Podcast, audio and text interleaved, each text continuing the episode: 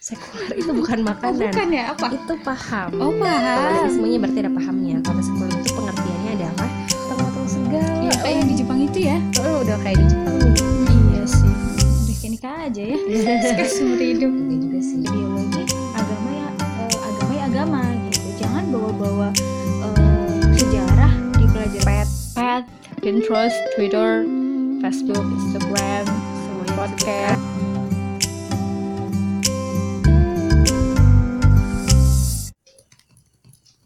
Din Din? Eh iya iya iya. Kenapa kenapa? Udah mulai nih. Oh iya iya. Bentar bentar bentar bentar. Yuk kita sapa pendengar dulu. Oke oke. Ya udah. Assalamualaikum warahmatullahi wabarakatuh. Waalaikumsalam warahmatullahi wabarakatuh. Kembali lagi dengan kami berdua. Saya Sora. Saya Madin di dua kata. Kata dari kita untuk kalian yang, Yang luar luar biasa, Din Heeh. Gimana nih kabarnya setelah lama ngilang di podcast? Lama banget ya Iya. Oh, alhamdulillah baik sih Ra. Kamu sendiri gimana kabarnya? Alhamdulillah aku baik-baik aja Din. Kamu tadi lagi sibuk apaan sih? Kayaknya seru, kayaknya serius banget. Ini nih lagi berselancar di dunia maya nih Ra. Emang lihat apaan? oh ini. Lihat berita dong. Wow Jadi aku tuh- zaman now lihat berita Oke dong. Ya jadi Madin ngeliat nih tahun ini banyak banget yang wisuda online. hmm, Pakai iya. patung-patung segala. Iya kayak yang di Jepang itu ya Heeh, udah kayak di Jepang nih. hmm. Nah kan kasihan tuh mereka tuh nggak bisa ngerasain serunya lulus menjadi seorang sarjana. Padahal kan itu nonton banget. Kayaknya sekali seumur hidup kali Iya ya. sih memang Udah kayak nikah aja ya Sekali seumur hidup Enggak juga sih yang ya kalau misalnya cuma S1 doang kan sekali seumur hidup. Iya Bu. sih. Ya. Nah, tapi ya, ya memang ya memang momentum sih Din. Tapi ya menurutku itu hakikat ngenes yang sesungguhnya adalah Heeh. ketika ternyata tugas akhir kita berakhir di tong sampah, Waduh, waduh, kok sedih banget alias sih. dibuang, alias dimusnahkan. Ya, eh tunggu tunggu. Kok jadi melo gitu? Maksudnya gimana gimana? Itu loh, aku lagi ngomongin salah satu, aku lagi ngomongin berita di salah satu kampus yang ada di kota R. Mm-mm. Di kota R ya. Iya oke. Jangan sebut cari, jangan ya, sebut. jangan cari tahu ya. Oke. Sebenarnya berita ini tuh udah lama Mm-mm. Jadi kampus itu ngebuang skripsi-skripsi yang notabene-nya itu eh, udah lama. Hmm, terus? Ya karena gudangnya udah penuh, Mm-mm. jadi mau nggak mau ya harus dibuang. Oh, yang itu berita yang kemarin yang sempat viral itu. Benar. Madin viral di sempat baca satu sih. Sosial media ya. Ah, ah, ah. Padahal kan nggak mudah untuk sampai ke tahap itu. Iya. Nggak semudah bikin makalah yang bisa tinggal copy paste. Nah di sana itu kalau buat karya ilmiah itu kan ada pengorbanannya, ada pengorbanan pikiran, waktu, tenaga, apalagi biaya. Wah, Benar. nggak murah tuh. Benar-benar. Bahkan ada yang eh, stres ya, cuman gara-gara ngerjain skripsi. Ada. Stres sampai bunuh diri. Ada. ada. Terus hantunya gentayangan di kampus. Aduh, nggak gitu juga kali itu hiperbola sekali anda ya nah terus kalau misalnya kita mau buat satu karya ilmiah pasti kita juga harus melewati fase yang namanya menuntut ilmu Benar. tapi kalau malah endingnya nanti nggak dihargain kan sedih Dan tau gak sih Din, itu tuh nggak terjadi satu atau dua kasus aja. iya bener banget lah Bahkan, pasti iya bahkan hampir semua perguruan tinggi di Indo akan ngelakuin hal yang sama, yaitu apa? Pemusnahan terhadap berbagai karya ilmiah. Ataupun tugas akhir. Hmm. Mm-mm. Alasannya sederhana, karena ruang penyimpanan terbatas, sementara setiap tahun skripsi terus bertambah gitu. Kita ambil contoh deh, UI aja tahun lalu ya, meluluskan sejumlah 3040 sarjana. Artinya apa? Hmm. Artinya ada 3040 judul skripsi, tesis sama disertasi di sana. Hmm. Dalam peraturan Menteri Pendidikan Nasional RI Aduh, nomor undang-undang 26 tahun 2006 Mm-mm. dikatakan bahwa karya tulis ilmiah itu akan oto- otomatis dimusnahkan kalau udah lewat dari dua sedangkan skripsi yang ada akan tetap dipertahankan ketika memang dia ber- memiliki pengaruh besar pada perkembangan dunia akademik itu sendiri. Tapi emang beneran boleh ya dimusnahkan ya? Memang ada di dalam undang-undang kita ya. Mm-mm. Ada yang dimusnahkan dan ada yang dipertahankan gitu ya. Iya, Hmm. tapi tenang aja. Hmm. eh, walaupun seperti itu Mm-mm. tugas akhir kita bisa tetap diakses lewat internet Iya. karena sejak tahun 2004 nih ada upaya dari pemerintah untuk mendigitalisasi perpustakaan Oh. tapi itu masalahnya Mm-mm. tetap harus ada hard copy kan Hmm. sayang ketika pada akhirnya ruang penyimpanan itu udah nggak muat hard Mm-mm. copy tadi tetap harus dibuang Hmm. kan kayak bakar-bakar uang ya Iya, membuang mubazir bunga. gitu ya. Hmm, Tapi ya banget. Din, Mm-mm. tapi ya Din terlepas dari ada digitalisasi atau enggak, Mm-mm. nyatanya perlakuan eh, sistem hari ini iya terhadap ilmu pengetahuan, para pendidik Mm-mm. dan para intelektualnya Mm-mm. belum tertreatment Belum begitu baik gitu. Mm-mm. Ingat nggak sih sama program rev- revolusi mental yang sedang dicanangkan sama pemerintah? apa Alasannya kenapa coba pemerintah sampai bikin program itu? kenapa Berarti kan ada yang salah dengan kurikulum pendidikan bangsa ini. ya, harusnya sih gitu Ya lihat aja sih eh, dari dulu sampai Mhm. sekarang Mhm. banyak banget kasus murid aniaya guru. Mm-mm. Bahkan nggak tanggung-tanggung loh Din ada yang sampai meninggal. aduh bahaya Atau atau sebaliknya, guru aniaya murid, guru menghamili muridnya sendiri. aduh kok horor gitu sih dengernya Entah kenapa ya, makin ke sini makin ke sini tuh generasi sekarang makin parah aja. ya nih mungkin makin parah makin ke sini Mm, Oke lah, nggak bisa dibungkiri bahwa hari ini pun banyak juga generasi cerdas terlahir, ya Hmm. enggak. Tapi sayangnya hanya sekadar cerdas secara pola pikir aja, atau Hmm. cerdas secara akal, tapi nggak cerdas secara emosional Hmm. atau spir- eh, dan spiritual. Karenanya banyak intelektual yang memanfaatkan keilmuannya untuk hal-hal yang merugikan. Mm-mm. Contoh yang paling umum adalah koruptor, setuju nggak? Setuju Koruptor banget. adalah biang keladi miskinnya negara ini. Padahal- Siapa siapa sih? Padahal kenapa? Padahal kan mereka juga pasti orang-orang yang pintar, nggak mungkin tiba-tiba Iya, bener banget. Mm. menduduki tem- tempat Mm-mm. yang sangat sangat potensial Mm-mm. banget, tapi akhirnya adalah mengkorupsi uang rakyat. Iya, sendiri. siapa sih yang meragukan keilmuan orang-orang di Senayan sana? Hmm, benar-benar. Sora yakin mereka nggak cuma setahun dua tahun sekolah tinggi-tinggi, Oh, benar. Tapi nyatanya apa yang mereka lakuin? Mereka sedot tuh uang rakyat sampai nggak bersisa. Nah, nyambung tuh dari pertanyaan suara tadi Mm-mm. bahwa ada yang salah. Emang Mm-mm. benar ada yang salah. Banget. Ternyata nih, usut punya usut, konsep kurikulum yang kita pakai adalah kurikulum sekuler. Wah, apa itu? Makanan apa itu? Sekuler itu bukan Oh, makanan. bukan ya, apa? itu paham. Oh, paham. Kalau ada ismenya berarti ada pahamnya. Kalau sekuler itu pengertiannya adalah sekularisme adalah paham pemisahan Mm-mm. agama dari ruang kehidupan, Mm-mm. yaitu memisahkan aturan Mm-mm. agama untuk sama sekali tidak boleh dilibatkan untuk Oh. mengatur urusan publik. Oh. Nah, lantas agama dikemanain tuh? Mm-mm. Agama tuh hanya diletakkan di ruang private manusia. Mm-mm, ruang pribadi manusia ya. Ya, jadi ibaratnya tuh aktivitas dia dengan Tuhannya, Mm-mm. aktivitas dia dengan dirinya sendiri tuh Mm-mm. aktivitas private. Nah, Tuhan Mm-mm. boleh tuh ikut campur di situ. Oh. Tapi ketika udah sampai di ruang publik, ibaratnya manusia berhu- hu- berhubung, maksudnya berhubung sama sih, berhubungan dengan manusia Iya, lainnya. heeh. Maka itu adalah aktivitas publik yang Mm-mm. di mana Tuhan nggak boleh ikut campur, Mm-mm. agama nggak boleh ikut campur, Oke. seperti itu. Loh, memangnya ini beneran terjadi di negara kita? Iyalah. Iya ya.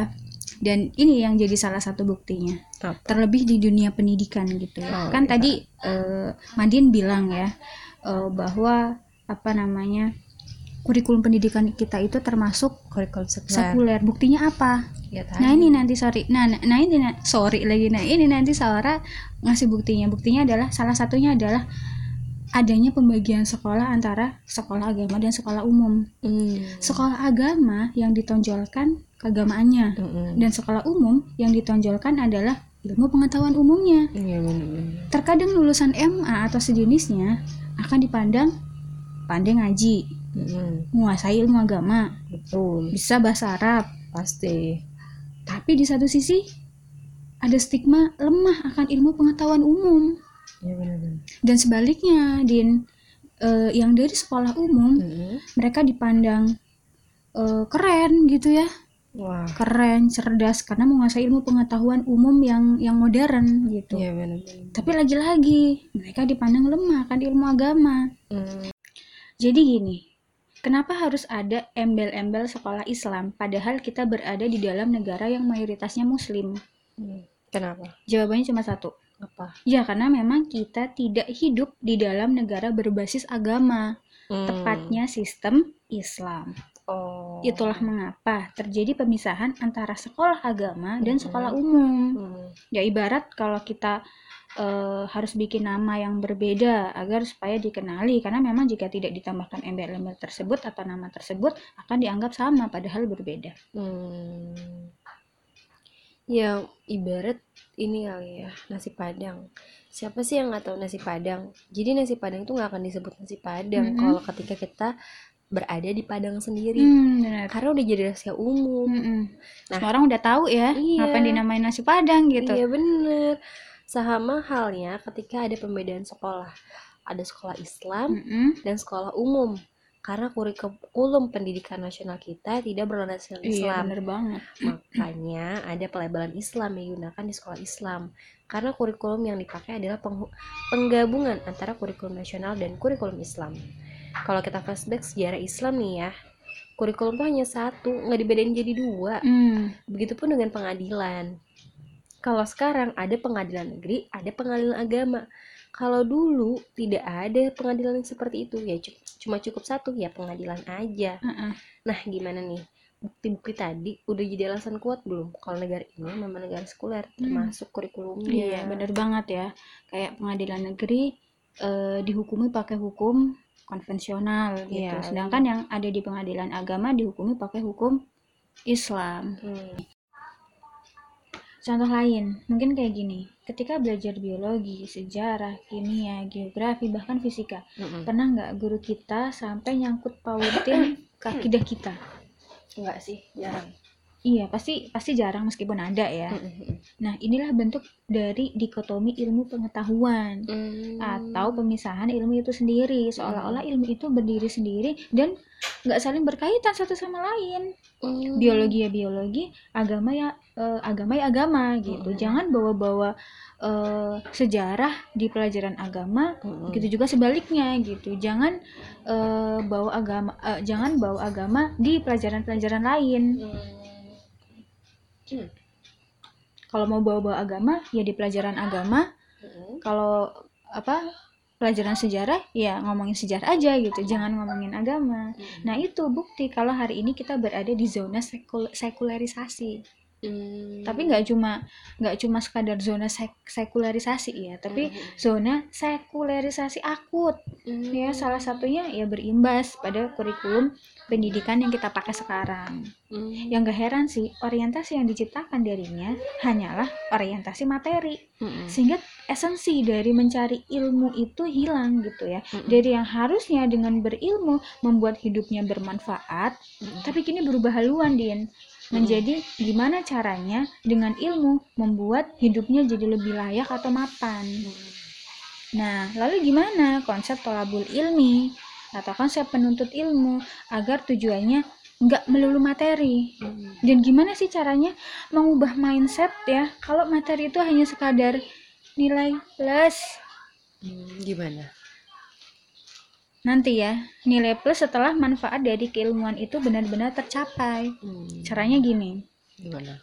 ya menyatukan keduanya nggak ada cara lain Hmm. nggak ada solusi lain dengan Hmm. menyatukan antara ilmu dengan dibersamai oleh agama Hmm. kenapa harus dis- kenapa harus disatukan ya Hmm. mengutip apa yang disampaikan oleh Imam Al Ghazali bahwa Hmm. ibarat ilmu tanpa agama akan berakhir buta dan agama tanpa ilmu akan berakhir lumpuh. lumpuh. Hmm. Nah.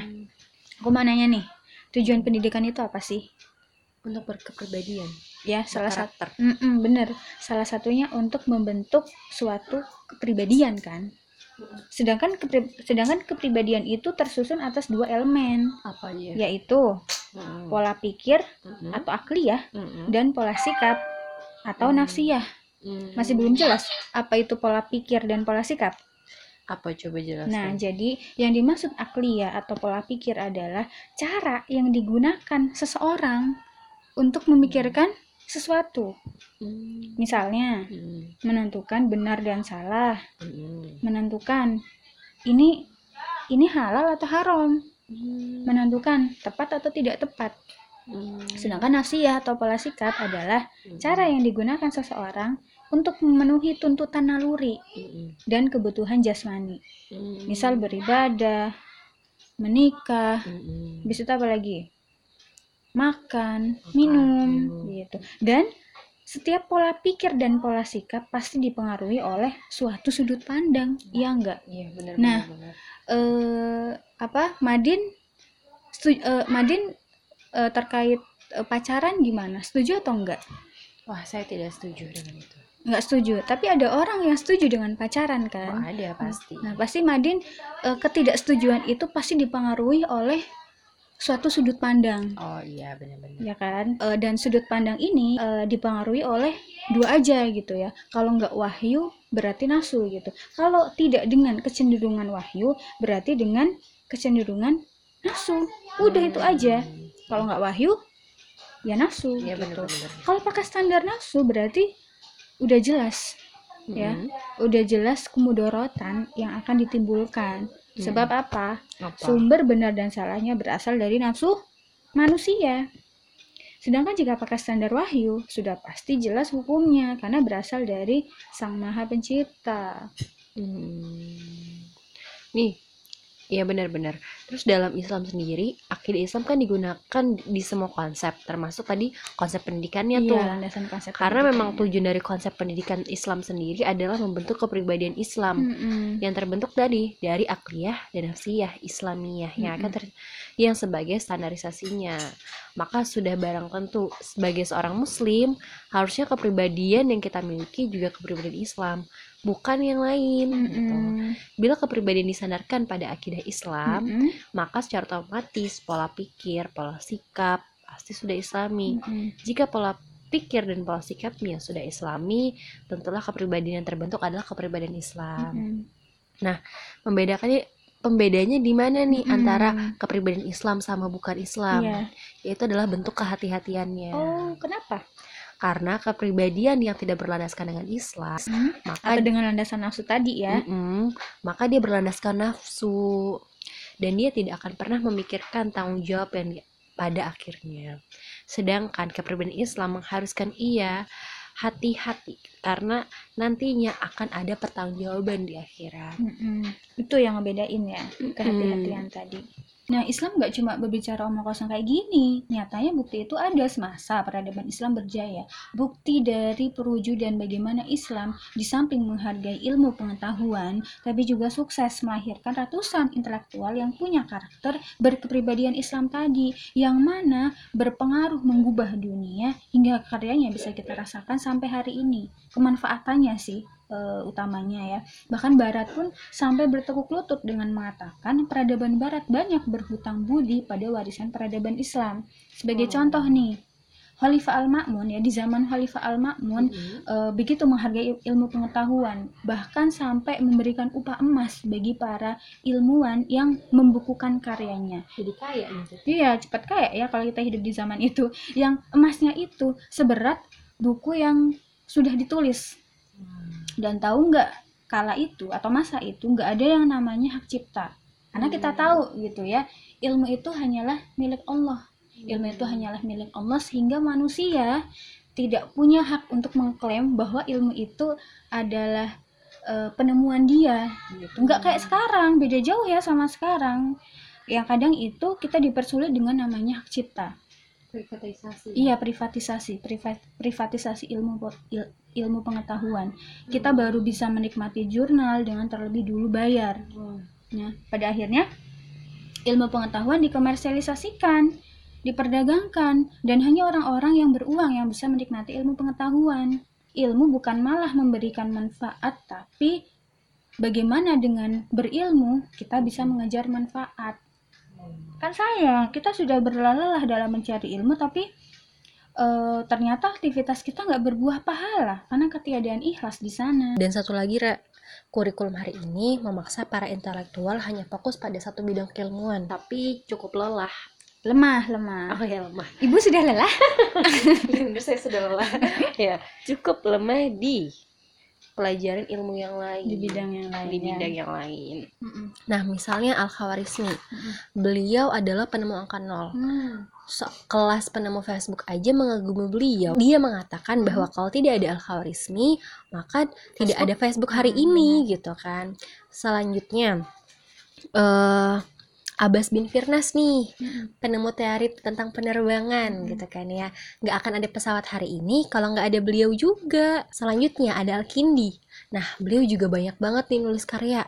Misalnya dari metafisika, etika, logika, psikologi, ilmu pengobatan, farmakologi, dan masih banyak lagi. Terus kalau dari sisi muslimahnya nih, nggak ketinggalan. Ada juga Maryam Al Astrolabi. Beliau penemu instrumen astrolab. Kalau sekarang sih dikenal dengan GPS. Nah, mereka itu adalah orang-orang yang cerdas di ilmu dunia, tapi juga cerdas di ilmu akhirat. Mereka itulah sosok intelektual cerdas kognitif, sekalipun cerdas emosional dan spiritual. Allah itu telah memberikan kedudukan yang mulia bagi orang yang berilmu sekaligus beriman. Mm-mm. Dan ini Allah abadikan dalam Al-Quran di salah satu surat Al-Mujadilah ayat 11. Mm-mm. Ayat yang Allah Allah akan meninggikan orang-orang yang beriman di antaramu dan orang-orang yang berilmu pengetahuan beberapa derajat. Mm-mm. Dalam kitab adab Al-Alim Muta'alim, Mm-mm. bab awal disinggung yaitu derajat bagi orang-orang yang beriman dengan orang-orang yang beriman dan berilmu sebesar 7 derajat. Sedangkan jarak masing-masing derajat adalah 500 tahun. Wow. Banyak banget kan? Nah, derajat yang dimaksud adalah kemuliaan di dunia dan pahala di akhirat. Mm-mm. Nah, menjadi balasan menggiurkan Mm-mm. dan ini tidak mudah untuk didapat karena harus ada hawa nafsu yang diredam. Ada bahaya jika hawa nafsu udah berkontribusi dan itu akan menjadi kebutaan. Nah, kebutaan di sini bukan kebutaan secara nyata ya, tapi maksudnya adalah tidak bisa membedakan yang hak dan nggak bisa membedain yang batil. Mm-mm. Nah, selanjutnya ketika memang bisa dilihat dari banyak orang berilmu tapi lebih rendah daripada binatang karena mereka Hmm. tidak menggunakan ke- keimanan itu. Dan ketika sebaliknya orang-orang itu beriman tapi nggak berilmu, maka yang ada yang terjadi adalah kelumpuhan. Maksudnya Hmm. gimana? Mereka nggak bisa mengamalkan atau dari apa yang mereka mau amalkan dari minimnya ilmu itu sendiri. Ya walau bisawab ya. Ya, pada akhirnya tujuan dari menimba ilmu bukanlah untuk dikoleksi ya, Hmm. tapi untuk diamalkan Hmm. dan disebarluaskan lewat aktivitas dakwah. Kalau dengar kata dakwah, apa coba yang dibayangin? apa di podium Di podium ya, pakai baju kebesaran, hmm. Pakai mic. Maksudnya bukan pakai baju kebesaran yang kedodoran bukan iya, ya, iya, tapi pakai baju yang khas gitulah. dan dengan intonasi yang berapi-api. Jangan cuma itu aja referensi cara dakwahnya. Hmm. Ingat, dakwah juga nggak cuma dengan lisan, tapi juga bisa dengan tulisan. Hmm. So, dengan kita punya sosial media, Hmm. YouTube, Hmm. Wattpad, Pad, Pinterest, Twitter, Facebook, Instagram, semuanya Podcast. disebutkan terus Friendster, itu juga bisa jadi mediator dakwah. Hmm. Please, kita bukan lagi hidup di zaman unta. oke Yang kata yang kata sahabat Rasul waktu itu, Hmm. cuma mau ikut kajian aja loh. Hmm. harus berjalan berhari-hari naik turun gunung Ya bukan lem- bukan lembah lagi loh Hmm. Yang didaki tapi gunung Hmm. nah sekarang kita yang hidup di zaman serba sentuh ya dalam tanda Mhm. kutip Hmm. yang semuanya beres hanya dalam sekali sentuh malu kali ah masih males nuntut ilmu Hmm. dan nggak mau dakwah Hmm. Penjelasan. gitu Oke, penjelasan kita tadi hanya akan menjadi sebuah kata-kata ya. Kata-kata yang tersimpan dalam buku ataupun suara semata. Oh. Jika nggak ada action. Nato, not action talk only gitu dalam kehidupan ini. Padahal setiap aktivitas kita selalu terhitung dan tercatat dalam sebuah buku catatan. ya kenapa? nggak apa-apa Nah, tentu kita tidak mau menjadi orang-orang yang merugi ketika mengetahui organisasinya ilmu itu sendiri. Namun gak diamalin. Mungkin memang nggak mudah ya untuk merealisasikannya. Namun bukan berarti kita nggak bisa. Karena tidak ada kata terlambat dan tidak ada kata batasan umur dalam pelajarinya. Kalau ditanya harus mulai dari mana ya pasti harus mulai dari akarnya Mm-mm. yaitu apa akidah Islam itu Mm-mm. dan gimana nih nah maka dari akidah Islam tadi itu akan membuat kerangka berpikir Mm-mm. yang memudahkan kita untuk bergerak atau action itu tadi yang akhirnya nggak cuma disimpan dalam diri namun juga disebarin ke Mm-mm. teman-teman kepada keluarga kepada orang yang kita sayangi Betul. dah tapi harus intensif kenapa harus intensif karena namanya belajar kan terus Terus menerus fokus ya. iya dan itu bisa didapatkan di mana aja Di kita bisa untuk untuk ikut mondok Oke. atau kita mau ikut mentoring Mm-mm. atau liko di mana pun bebas tapi ya yang Islam beneran nih eh bukan Islam Islaman Oke. oke Ya.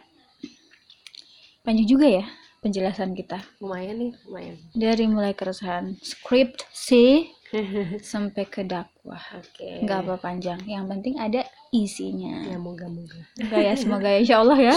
ya win Amin. Oh iya, bagi kalian yang memang nih tahun ini terpaksa wisuda online, ya aduh sedih banget nggak usah sedih ya. oh nggak boleh sedih Ingat, itu cuma seremonial. seremonial doang Yang yang terpenting adalah ilmu yang sudah kita dapat nantinya bisa bermanfaat buat umat. pasti amin ya Allah Amin amin ya robbal alamin. Iya. Semoga penjelasan kita mudah dipahami dan nggak berbelit-belit ya. Hehehe. Ya, mungkin itu aja ya pembahasan dua kata di episode kali ini. Mm-mm. Episode pertama malahan Wow, ya. masya Allah. Dan kita mohon maaf jika ada salah kata dan mohon maaf, mohon ampun kepada Allah. Kita dari dua kata, sampai jumpa di episode selanjutnya. Saya Sarah. Saya Madin, pamit undur diri. Wassalamualaikum warahmatullahi wabarakatuh. Kata dari kita untuk kalian yang Luar biasa.